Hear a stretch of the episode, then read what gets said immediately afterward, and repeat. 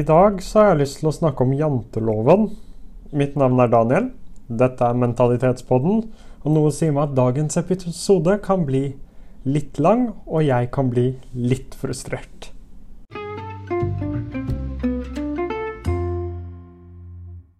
Ok, så janteloven det er jo en sånn tipunktsregel om at du Første regelen heter jo 'du skal ikke tro at du er noe', og det sier jo alt, egentlig. Så det er ti punkt da, om at du ikke skal tro at du er verdt noe særlig.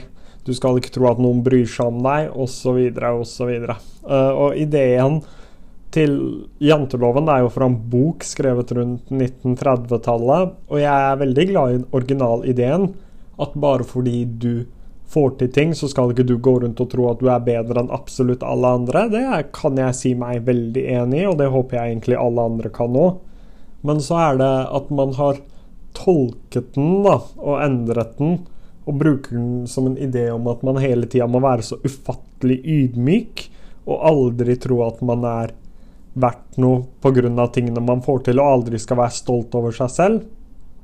Og så bruker vi den ofte på andre mennesker òg. Sånn når man ser en person som er stolt over å ha trent og er i god fysisk form, og du kan se det, og personen er stolt, så har vi en tendens til å dømme dem òg. Og det er der frustrasjonen min begynner å ta litt overhånd, da. For jeg er ofte frustrert, det vet jo alle. Og jeg er spesielt frustrert over dette. Det her plager meg dag inn, dag ut, uke inn, uke ut. Og da skal jeg egentlig fortelle en historie fra der hvor jeg gikk på noe jeg kaller jantelovveggen. Som jeg, jeg håper er et ord som setter seg og ingen andre opplever. Men det var en periode jeg jobbet sånn utrolig mye. Jeg jobber alltid utrolig mye, men jeg hadde mange arbeidsoppgaver da, på en kort periode. Og jeg brukte veldig mye tid på hver enkelt arbeidsoppgave. Det var å skrive taler, arrangere værvinger, planlegge dager, planlegge kurs, planlegge møter, uh, skole, jobb, karakterer, alt som er. Og jeg fikk til veldig mye av det. Veldig mye av det gikk bra. Men jeg var aldri liksom fornøyd. Jeg var aldri stolt av meg selv.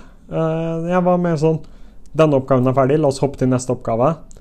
Jeg er ikke noe god fordi jeg fikk til det her. Dette er noe alle burde få til. Alle burde kunne klare å få toppkarakterer.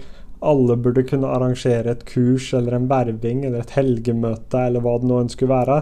Jeg var ikke noe god, jeg var ikke noe stolt over det. Så over en lengre periode så hadde jeg mange arbeidsoppgaver og var aldri egentlig noe særlig stolt av meg selv.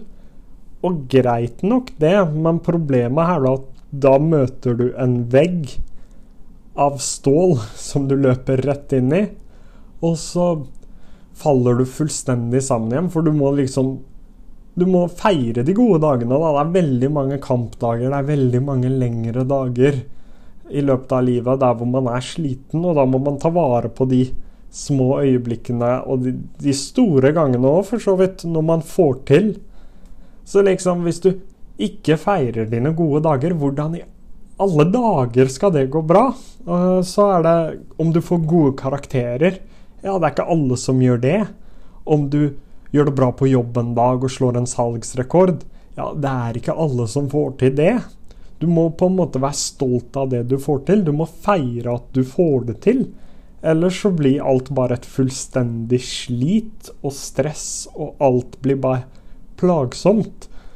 Så for å forklare det på en logisk måte, da Hvorfor skal ikke du være stolt av deg selv når du får til noe som var vanskelig for deg? Du skal jo ikke beregne dine mål og dine tanker basert på hva andre får til. Du er jo en kamp med deg selv, ikke med alle andre. Så hvis du ikke fikk til noe for en uke siden, men fikk det til nå Hvis du fikk en Ja, for å ta prøver, da, som er lett å sammenligne med fordi alle har hatt dem. Hvis du fikk en treer i, til jul, og så fikk du en sekser til sommeren, hvorfor er ikke det noe å være stolt av?